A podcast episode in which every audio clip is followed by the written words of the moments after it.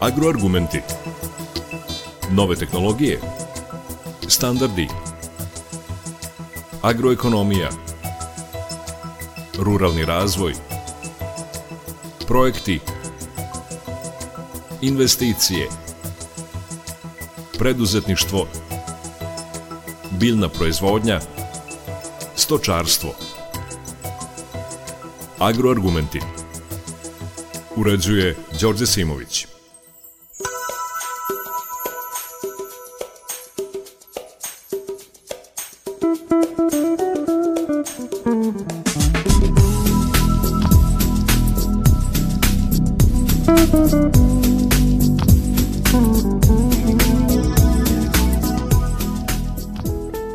Poštovani slušalci, dobar dan. Povodom 15 godina rada Agrokluba informacijonog sistema u poljoprivredi u tri države Hrvatskoj, Srbiji i Bosni i Hercegovini, u Osijeku je održana konferencija nazvana AgroRox, na kojoj je govoreno o proizvodnji hrane u uslovima klimatskih promjena i većih sigurnosnih rizika.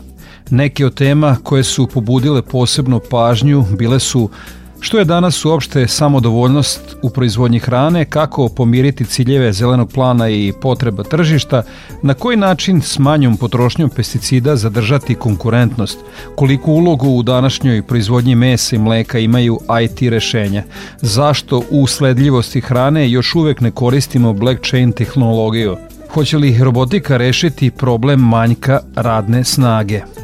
Najpoznatiji meteorolog u Hrvatskoj, Zoran Vakula, kaže da su glavne karakteristike promenjene klime češće toplotni ekstremi, tropske noći, ređe a intenzivnije kiše kao i topla leta, tople zime i ukupno manje padavina.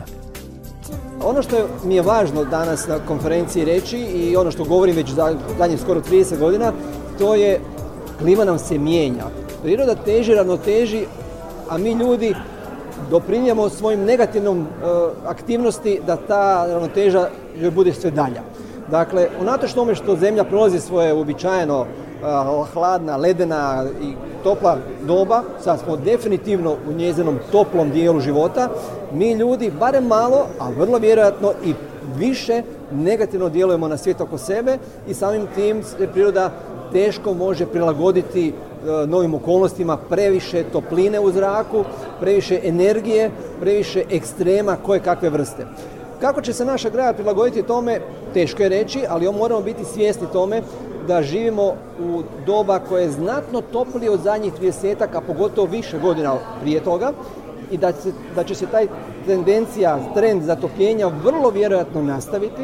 Suša će vrlo vjerojatno biti češća pojava, ali u tom generalno rečeno sušnim godinama ćemo vrlo vjerojatno imati puno ekstremnih događaja u smislu obilnih oborina, naglih, na lokalno, na kratko vrijeme velika količina oborine. Svemu tome nije samo agrar u pitanju u smislu poljoprivrede, nego i životinje također doživljavaju toplinske stresove i između ostalog krave zato imaju manje mlijeka. Dakle, problem je velik, multidisciplinaran, a mislim da su poljoprivrednici to shvatili i već sada mijenjaju kulture, barem prema mojim skromnim spoznama. E, ne samo citrusi, imamo e, paf pafone banane koje se uzgajaju recimo u Zagorju. Tako da, e, kao što se mijenja klima, tako će se vrlo vjerojatno, gotovo sigurno mijenjati i kulture. I ne samo da će se, nego se već mijenjaju. Dakle, i Vojvodina, kao i Istočna Hrvatska, Slavonija, Baranja i Srijem, imaju podjednaku klimu i ono što nam se događa zadnjih godina, to je neprijeporno sve toplije godine i to podjednako raspoređeno u smislu sezona. Čak, krivo sam rekao, podjednako. Sve sezone su toplije od prosjeka, pri čemu je osobito e, najviše, odstupanje u odnosu na prije tijekom ljeta. To je i posljedica ovih toplinskih valova koje imamo.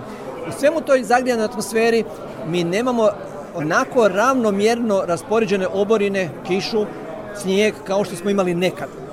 Događaju nam se u prezagrojnoj atmosferi lokalne, kratkotrajne, obilne oborine. Obilna kiša, obilan snijeg. Mi rekorde u snježnom pokrivaču, recimo u Gorskoj Hrvatskoj, imamo u zadnjih 20 godina, ne od, prije, što neke začuđuje. Kako to kad je pretoplo?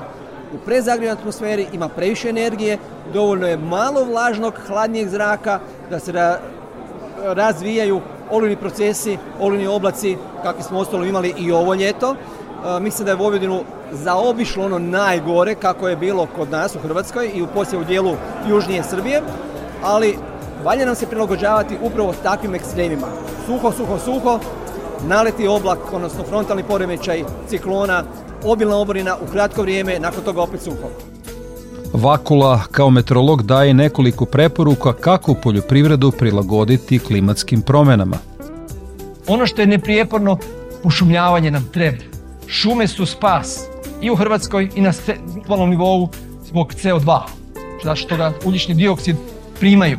Izbor novih sorti otpornih na ekstremne prilike, sušu i kratkotrajno veliku količinu oborine. Dakle, ono što možemo očekivati i sljedećih dana, čemu se trebamo prilagođavati, to je i dakle dalje manja količine na godišnjem nivou oborine, kiše, snijega, rose, svega. Ali, zbog prezagrijane atmosfere, malo plažnog hladnog zraka dolazi, olujni procesi se razvijaju i u kratko vrijeme imamo ogromnu količinu oborine. Mi danas iz godine u godinu, iz sezone u sezonu, pa čak iz mjeseca iz mjesec, imamo neki novi rekord. I tako će se vrlo vjerojatno nastaviti. Pričavanje degradacije tla i gubitak vlage navodnjavanju, bolji plodored, bolji poklon i usjev, tlo ne smije biti golo. Ko sad bahula da mi to soli pamet? Znate to bolje od mene. Na meni je samo da vam možda nekim od vas, gle, pa ja na tome radim, gle, to je dobro. Pa ja tako dalje. Novi način obrade tla, kvalitetnija osiguranja, pod ovom kvalitetnije razmišljao sam kako napisati da nikog ne uvrijedim. Može li se? Jeste li zadovoljni s osiguranjem? Imam dobre prijatelje i u njima, i u osiguravajućim kućama. Oni pokušavaju živjeti ali svakome od njih govorim daj ljudima da žive. Jer ono što čujem, da čovjek ne dobije osiguranje zato što je vjetar bio 17 metara u sekundi, a kriterij je 17,4 da bi dobio povrat novaca, bar malo, po meni je to sramota. Ali s druge strane, ko sam ja da o tome sudim i kako napraviti sustav da je idealan, ne znam. Možda neko od vas daje neko rješenje. Bolje prilagođavanje prognozama i upozorenjima, to je sad moja struka. Svako od vas sada izvuče mobitel, ima vjerujem barem jednu, a mnogi više aplikacije za vremensku prognozu za sljedeći de, dan, tjedan, mjesec, 60 dana. Sve u svemu, nadam se da sam bio dovoljno jasan, razumljiv i zoran, ne samo po imenu nego i po izlaganju. E, volite ovu zemlju i dalje, pokušavajte što manje degradirati ili kako se to kaže stručno, pokušajte se prema zemlji ponašati prema onom zlatnom pravilu koje povezuje sve religije ovog svijeta. Ne čini drugome ono što ne želiš da te drugi čini tebi. Ili čini drugome ono što želiš da te drugi čini tebi. Pri tome je važno naglasiti da je ljudi jednako priroda. Sa klimatskim izazovom ćemo se suočavati još godinama. Za naše života, za života naše djece, vrlo vjerojatno. Čuli ste najpoznatijeg meteorologa u Hrvatskoj, Zorana Vakulu a profesor na Poljoprivrednom fakultetu u Novom Sadu Zoran Kiserović kaže da je voćarstvo posebno pogođeno klimatskim promjenama. Rekli ste da prelazimo na jako težak panel, a ja obično znam da kažem ono što je poezija u književnosti, to je voćarstvo i vinogradarstvo u poljoprivredi. E, hvala vam što ste održali ovu konferenciju i evo još uvijek traje ovaj panel, jer mislim da ste temu pogodili, a zapravo je došlo do klimatskih promjena i ja bih se osvrnuo na prethodne paneliste možda jednu konferenciju u narednom periodu da organizujete, jer niko danas nije spomenuo da bez jakog sočarstva nema jake poljoprivrede. Znate, kada su pitali jednog od eh, zadrugara ili direktora zadruge gdje u sočarstvu najviše zarađuje, on je rekao na stajnjaku. Pa kako, kaže, nađubrim zemljište pa povećam prinos. Nema jake poljoprivrede bez jakog sočarstva. Dalje nismo spomenuli plodored. Do klimatskih promjena jeste došlo, i smo govorili o digitalizaciji, E, ja pratim klimatske promjene od 1998. godine, kada smo i u Srbiji i u ovom regionu imali jako velike štete od prolećnih mrazeva i došlo je do klimatskih promjena, imamo jedan topliji period početkom januara, početkom februara, a kasnije baš u vreme fenofaze presvetavanja, kada su najosetljivije fenofaze, to su tek zametnuti plodići, dođe do pojave kasnih prolećnih mrazeva koji nanosi velike štete. Ja sam to računao da u Srbiji šteta na godišnjem nivou negde otprilike od 60 e, miliona evra, čak 2012. godine do 150 miliona evra. Vidite koliko to utiče znači, na smanjenje smanjenje roda u jednoj zemlji. Nije samo, nisu samo rani prolećni mrazevi. Mi imamo nagle promne temperature u zimskom periodu, zatim sušu, veliku količinu padavina, grad, velike štete od grada, ali ono što ja ne pamtim 35 godina, što se desilo evo ove godine i desilo se 2017. godine, 3. E, septembra, kada je olujni vetar srušio samo u Fruškogorskom regionu negdje oko 50 hektara protivgradne mreže, a ove godine smo imali velike štete, po mojoj proceni, ovaj posljednji olujni vetar koji je bio ne naneo štetu samo u Srbiji preko 25 miliona dolara. U regionu Fruške gore je srušeno otprilike oko 120 hektara zasada sa protivgradnom mrežom, to su pretežno zasadi jabuke i kruške, Sad ste me pitali kako. Mislim da sam ja dosta uticao i u Ministarstvu poljoprivrede i pokrajinskom sekretarijatu za poljoprivredu da se zapravo daju poticaji za mere koje su prilagođene klimatskim promjenama. I možda smo mi među prvima krenuli ovdje u pokrajini Vojvodini e, sa davanjem posticaja za podizanje zata sa protivradnim mrežama 2010. godine. To je iznos bio negdje oko 60 do 70% otprilike u odnosu na vrednost, zatim za sisteme za, e, za navodnjavanje i to je posle prihvatilo i Republičko ministarstvo. Dalje, fertirigaciju, navodnjavanje, jer nemamo mi proizvodnju kvalitetnu bez navodnjavanja, bez same fertirigacije. I ono što se moramo u narednom periodu, ne znam da li je Hrvatska uradila, ali ja znam da smo mi u Srbiji uradili, to je reonizacija. Reonizacija je vrlo važna da vi odgovarajuće voćne vrste i sorte sadite odgovarajućim agroekološkim uslovima. Tamo gde neće biti rizika o proizvodnji. Evo navešću samo primjer Vojvodine gde su 2013. 2014. godine krenuli sa potizanjem remontantnih sorti maline Polka i Polana. Ja sam je rekao doći će godina kad ćete sve iskrčiti. I došla je 2017. godina e, sa jako visokim temperaturama, došlo je do pojave ožegotina i naravno 2018. godine sve su to iskrčili. E, znači, ne štite mreže samo od grada. One štite od ožegotina. Nisu ožegotine bile, evo neko, neka me neko demantuje ovdje ako su bile pre 10-15 godina uopšte, ali u posljednje vrijeme se pojavljuju. Ne pojavljuju se one samo na listovima, pojavljuju se na plodovima. E sada postoji e, tu naravno i sorte koje su dosta otpornije na pojavu ožegotina. Evo, neko je spomenuo, vi ste spomenuli krušku, poznato je da je vodeća sorta kruške u Italiji abatefete. Nije slučajno, nije konferans koja je vodeća u Europi. Zašto? Zato što ona manje podložna pojavi tih ožegotina na samim plodovima. Zatim, Viljamovka je više podložna. Kada je u pitanje uticaj vetrova, oni zapravo zasadi koji imaju radne mreže kod ovih olujnih vetrova nije došlo do opadanja možda 20% plodova, ali oni koji su bili van radnih mreže je bilo opadanje do 80%, recimo kod sorte Karmen koja je sada izuzetno cenjena i u Hrvatskoj, u Bosni i u Srbiji i također e, smo imali manje opadanje kod sorte Fetelo. Znači moguće izborom voćnih vrsta, izborom sorti i tehnologija, ali sigurnih tehnologija. Te ja sam predlagao i naši ministar prijednoj komori, ali dobro da se vi organizori, da vidimo da li bi došlo do pada tog sistema da su dobro korišćeni proizvodi za podizanje zasada. Ja sam imao sreće da sam se sreo sa Johanom Parom iz Austrije pre 30 godina kad su oni imali problema u Štajerskoj tamo, kad su oni okupili sve eksperte iz poljoprivrede i građevinske struke da vide šta je to, kakva je to dimenzija stubova koja ide znači na eh, spoljni stubova, čeoni stubova, kakve su sajle, kakvi unutrašnji, kolika je dužina redova, širina redova. Pa ne može tabla da bude duža od 200 metara i šira od 200 metara. Imao sam jedan slučaj da 35 hektara je palo sistema, zbak, baš do korištenja loših proizvoda prilikom podizanja, da drugi deset hektara koje je podigao Johan Pan iz Austrije nije pipnuto. Znači, vrlo je važno da se u narednom periodu obrati na kvalitet proizvoda koji se koriste za podizanje protiv gradnih mreža i da prvo proizvođači vide reference tih kuća koje se s Profesor na Poljoprednom fakultetu u Novom Sadu Zoran Keserović je govorio o uticaju klimatskih promjena na voćarstvo. Sada ćemo napraviti predah uz muziku. Slušamo Azru i pesmu Strankinja sa plavi ajsom.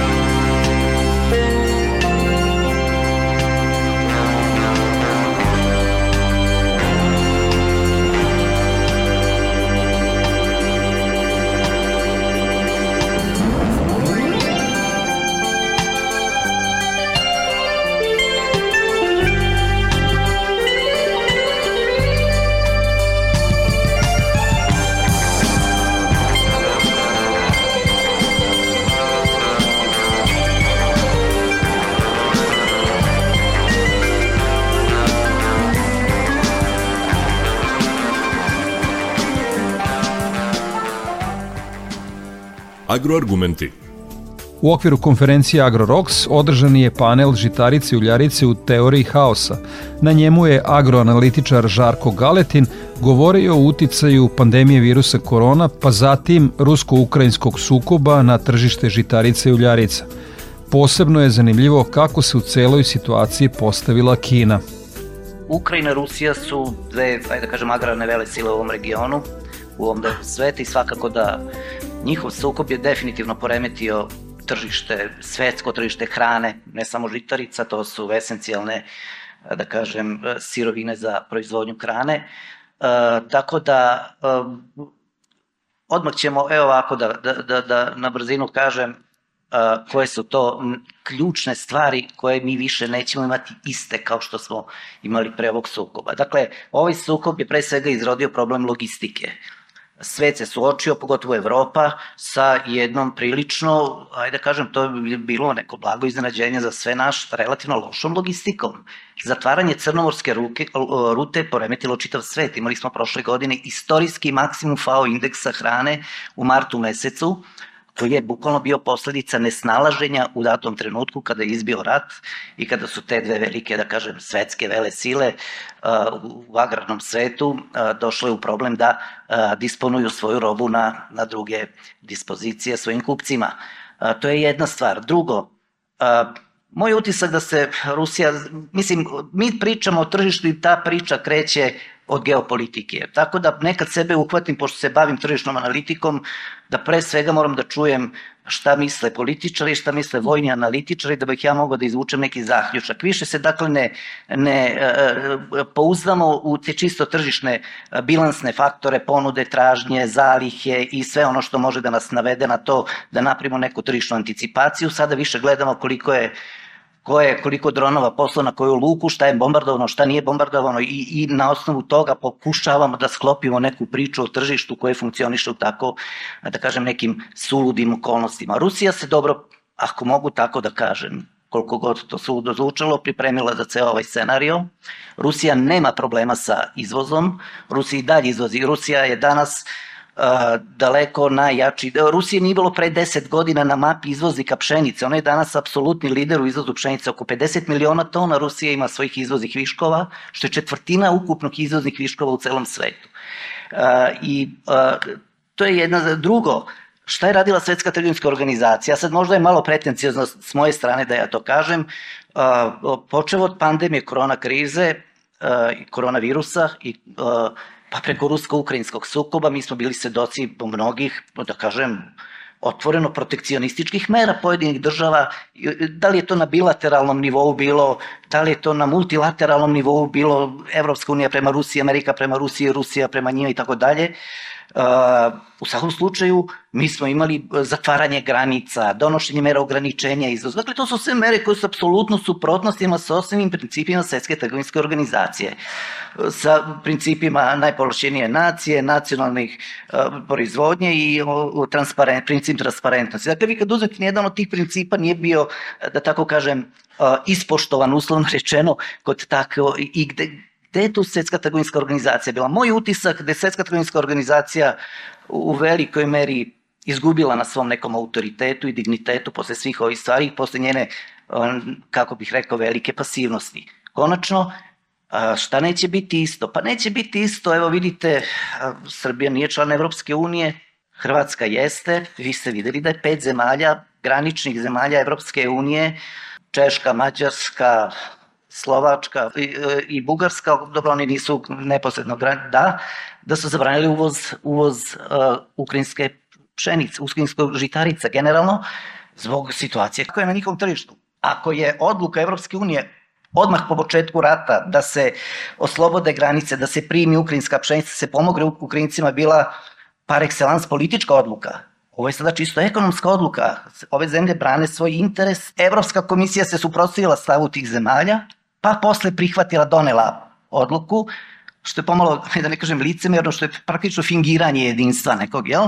Ali smo videli poroznost čitavog tog sistema i Evropske unije kao, kao jednog dobro organizovanog sistema. I konačno, promijenilo se definitivno psihologija tržišta je potpuno drugčija nego što je bila pre. E, vi sada, mi sada uglavnom pričamo evo, i ova oko zalihama, koliko ima zaliha, dakle jedna velika nesigurnost na svjetskom tržištu, e, ovaj sukob je doneo veliku nesigurnost i, i, i sada kad bismo ušli dublju analizu zašto su cene niske, a recimo nije protočan e, crnomorski koridor osim za rusku robu, što bi po logici stvari trebalo kao znači nema znači negde nema robe, pa cena bi trebala da ide gore, ne.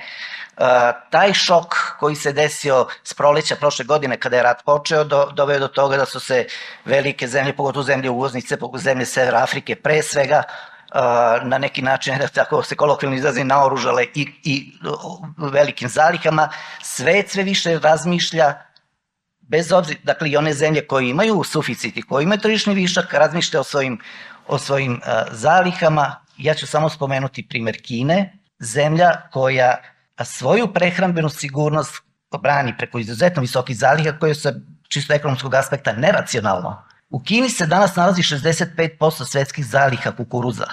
U Kini se nalazi oko 62% svjetskih zaliha pšenice nalazi se oko 35% svjetskih zaliha soje drži Kina. Dakle, Kina maltene godišnju proizvodnju drži zalihama, to je cena ekonomske nezavisnosti, prehrambenog suvereniteta koje Kina mora da drži ako planira da bude jedna od glavnih igrača na svjetskom tržištu, ne samo hrane, već i generalno. I, dakle, eto, to je jedna opšta slika ovako svjetska na koju je u velikoj meri dakle, uticao taj rusko-ukrajinski sukob i svet se još dugo neće izvući iz tog, da tako kažem, problema poremećaja na tržištu kao posljedice ovog sukoba. Čuli ste Žarka Galetina, a njegov kolega, jedan od poznatijih agranih analitičara u Hrvatskoj, Robert Jurišić, ocenjuje da tamošnji poljoprivrednici nisu spremni za lomove na tržištu žitarice i uljarica. Ja smatram da prosječan hrvatski proizvođač, odnosno seljak, nije spreman za izazove koji su pred nama. ako usporedimo prosječnog e, hrvatskog seljaka iz 90. do danas, i podijelimo tu nekakva dva dijela, ajmo reći proizvodnju i financijsku pismenost, on je po pitanju proizvodnje daleko napredovao od 90. do danas i možemo reći da je tu uz pomoć i mehanizacije i razvoja tehnologije i sjemena i edukacije i smjene generacije a i činjenice da su strane kompanije prisutne na našem tržištu što kroz eh, eh, educirani kadar eh, pomažu našim proizvođačima da da postanu bolji u svojoj proizvodnji, da primjenjuju najnovije svjetske trendove, to oni rade i tu, tu oni slušaju. Po tom dijelu to se vidi kroz prosječan prinos koji imamo koji je veći u Hrvatskoj nego u proizvodnji žitarica i uljarica nego što je to razvina Europske unije.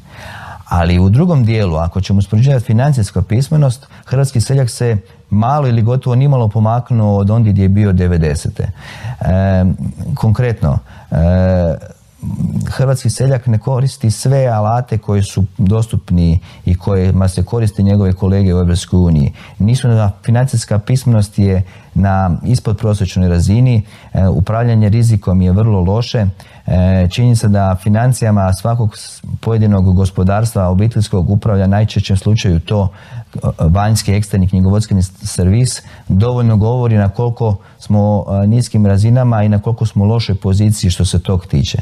E, tako nepripremljeni ćemo teško dočekati sve buduće izazove i koje nas čekaju i koje očekujemo, jer ovo što se sad događa, to je samo jedan dio cikličkog kretanja. To će se ponoviti kroz sljedećih nekoliko godina i pitanje je e, u svu konkurenciju što će se događati, da li onda ovakav hrvatski seljak može to preživjeti. Tako da mislim da ako se po tom pitanju nešto ne pokrene i nešto se ne, ne počne poduzimati i koristiti alate koje koristi konkurencija u, na zapadu, da neće biti dobro u pitanju pojedinačnog i prosječnog seljaka. Za početak moramo shvatiti da su žitarice i uljarice klasična burzovna roba. Čak i prije ovih svih događanja za posljednje tri godine to se uvijek radilo na globalnoj razini o zakonu spojenih posuda. Znači sve što se događalo u nekom dijelu svijeta, u ključnoj proizvođačkoj regiji, se na neki način reflektiralo na sva svjetska tržišta, pa tako i na ovo naše pritom mislim na e, bilo koji poremećaj na strani proizvodnje u, u, u državama, u Kanadi, u Argentini, Brazilu, u Australiji, e, Ukrajini ili Rusiji bi se automatski reflektirao na cijene, odnosno moralo se ta potrošnja substituirati iz nekih drugih država u kojima postoji suficit proizvodnje, što bi što nije uvijek tako lako, odnosno kroz racionalizaciju potrošnje, a to se sve postiže kroz, kroz promjenu cijene. Tako da generalno i prije smo imali sve te utjecaje koji su sada u, zadnje vrijeme pojačani događanjima u Ukrajini, u Crnom moru i u toj danas bitci ili, ili takozvanoj bitci između zapada i istoka E, to se sve održava na tržište, tako da danas je glavni, glavni market mover u, u, u, u žitaricama je zapravo geopolitika. Cilj Zapada je svakako da Ukrajinu kao jednu veliku stratešku zemlju približi sebi i odmakne od istoka i od Rusije. Ukrajina kao takva je u pravom smislu riječi ono što mi kažemo žitnica Europe i taj njezin resurs, odnosno to, ta zemlja koja ima i kvalitetu koju ima je nešto što je svakako interes Europe kako bi privukao sebi i kako bi stvorio samodostatnost na razini Europske unije u većem dijelu uh, uh, uh, ratarske proizvodnje i ne samo to, nego kako bi mogao ostvariti nekakve svoje strateške ciljeve na globalnom nivou. Tako da će sigurno u tom kontekstu doći do promjena u politikama, to će se sve odraziti i na postojeće proizvođače koji će se morati prilagoditi još većoj konkurenciji roba, roba iz Ukrajine, jer Ukrajina kao takva ima potencijal daleko veći nego što ga trenutno koristi i koji će se u budućnosti sigurno povećati i iskorištavati. Samo za usporedbu, e, trenutno ovakva Ukrajina kakva je proizvodi deset puta više žitarica uljarica nego, nego Hrvatska. Tako da, e, a potencijal je da to bude 20 ili, ili čak 30 puta više nego što smo mi prosječan hrvatski seljak je naučio, naučio upravljati e, svojom imovinom e, uzdajući se u prošlost. Kako se to događalo u prošlosti, e, tako će on ima percepciju da, da će se to uvijek i tako odvijati u budućnosti. To vam je iluzija kao, to je iluzija i to bi otprilike bilo kao da kolega Vakula Eh, radi vremensku prognozu i procjene kretanja vremena u idućih nekoliko dana ili duži period koristeći, koristeći eh, mape ili eh, koristeći podloge kretanja vremena od prošle godine ili od prošlih deset godina. Znači, ne možemo na temelju prošlogodišnjeg ili, ili iskustva iz prošlosti anticipirati E, jedan kroz jedan što će se to događati u budućnosti. Svaka godina je godina za sebe i svaki, svaka godina nosi svoje izazove i njima treba pristupiti pojedinačno, a ne osvrćuti se na, na događanja iz prošlosti. Svake godine trebaš pristupiti sljedeće jer će doći jedna godina, ko što je ova sada, jer si imao input proizvodnje ogroman, nisi ništa radio na outputu i sad ti se dogodio sve što je do gore mora doći dole, pa sad cijene kad padnu, e sad je problem i ove godine će puno poljoprivrednika biti u gubitku Ko je bio pametan i nije kupovao stanove i apartmane po Zagrebu ili moru, taj će imati financijska sredstva da preživi. A ovi koji su mislili da je to tak svake godine Eldorado, ti će imati problem. I ti su koji onda zapravo traže pomoć od države, ti su najglasniji, ne? Bio je to jedan od poznatijih agranih analitičara u Hrvatskoj, Robert Jurišić. Slušamo Dejana Cukića i pesmu Tvoje oči.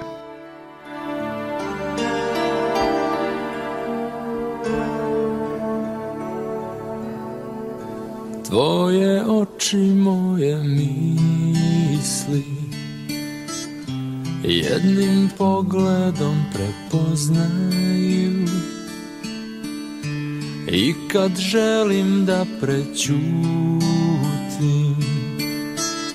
One sasvim lako doznaju Tvoje oči znaju sve njima reći nisu potrebne Kad me crne misli posete One osete Tvoje oči redko greše Njih je nemoguće zavesti znaju kako dišem Ko čuvari moje savesti Tvoje oči znaju se, Njima reči nisu potrebne Kad me crne misli posete one osete Tvoje oči znaju sve Njima reči nisu potrebne Kad me crne misli posete ne osete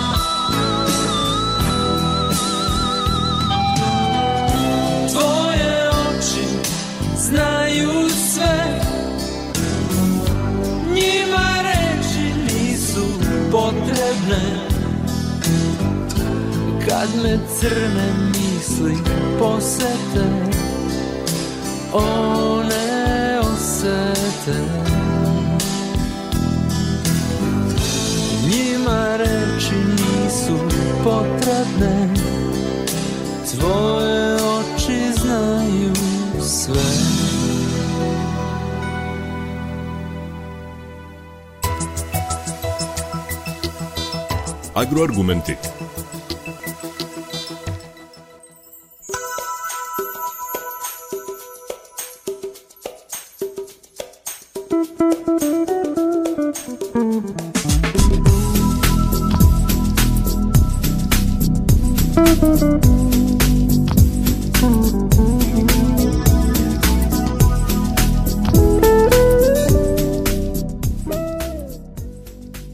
Predsjednica odbora za poljoprivredu Hrvatskog sabora Marijana Petir na konferenciji AgroRox ukazala je na problem klimatskih promjena i njihovog utjecaja na poljoprivredu i na probleme koje nova briselska regulativa nameće proizvođačima hrane.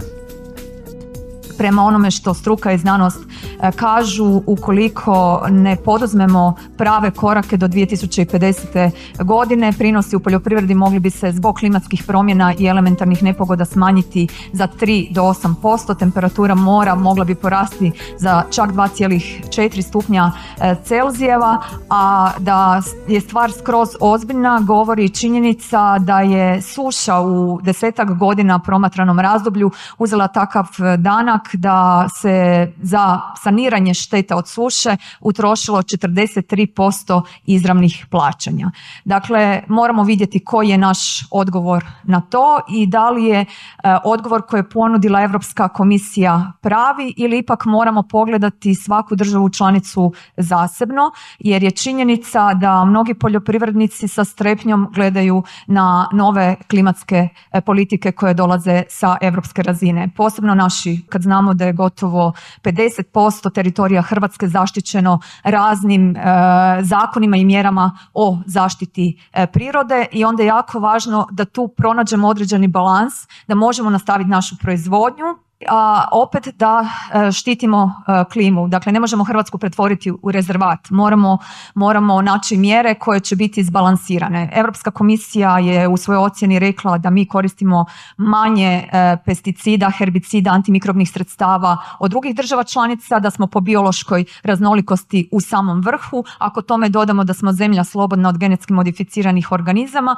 onda sasvim sigurno mi konja za trku imamo. Ali puno je posla pred nama jer same prirodne prednosti nisu dovoljne da bi postigli e, veću produktivnost u poljoprivredi i samodostatnost kojoj e, težimo. Važna je potpuna transformacija poljoprivrede, zato je važno o tom e, razgovarati sa stručnjacima, znanstvenicima i poljoprivrednicima i pitati poljoprivrednike što im treba da bi, da dalje nastavili proizvoditi hranu za nas, što stanovnicima sela treba da bi i dalje ostali živjeti na selu. Zato ovu konferenciju vidim kao mjesto upravo takvih razgovora i plodonosnih zaključaka kao odbor za poljoprivredu kao i uvijek do sada sve pametne savjete je spreman poslušati. Bila je to predsjednica odbora za poljoprivredu Hrvatskog sabora Marijana Petir, a sekretar u Ministarstvu poljoprivrede Hrvatske Tugomir Majdak kaže da sa kolegama u Srbiji rade na realizaciji brojnih projekata predpristupnom razdoblju smo uspostavili suradnju koja je danas i osnažena nakon što smo postali zemlje članica. Dakle, kroz razne twinning projekte mi dajemo podršku drugim e, ministarstvima u okruženju, zemljama kandidatima koji su na putu e, pristupanja Europskoj uniji e, sa kolegama iz Ministarstva poljoprivrede, Agencije za plaćanje Srbije usko surađujemo na raznim projektima kako bi osnažili kapacitet same agencije i administracije vezano za buduće povlačenje e, fondove Europske unije, ali i za pretpristne fondove koji su danas u tijeku i koji se provode u Republici Srbiji. Dakle, to je jedan vid suradnje s druge strane. Također i novi izazovi koji, e, koji su nad svima nama vezano za e, globalne izazove u poljoprivredi.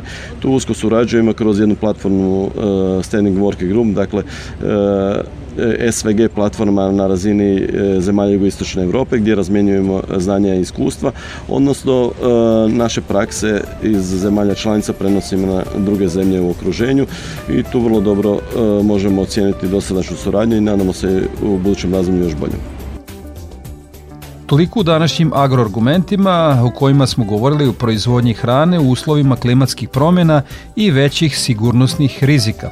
Sagovornici su snimljeni na konferenciji AgroRox održanoj u Osijeku, a u organizaciji Agrokluba. Ja sam Đorđe Simović i pozivam vas da ostanete uz Radio Novi Sad.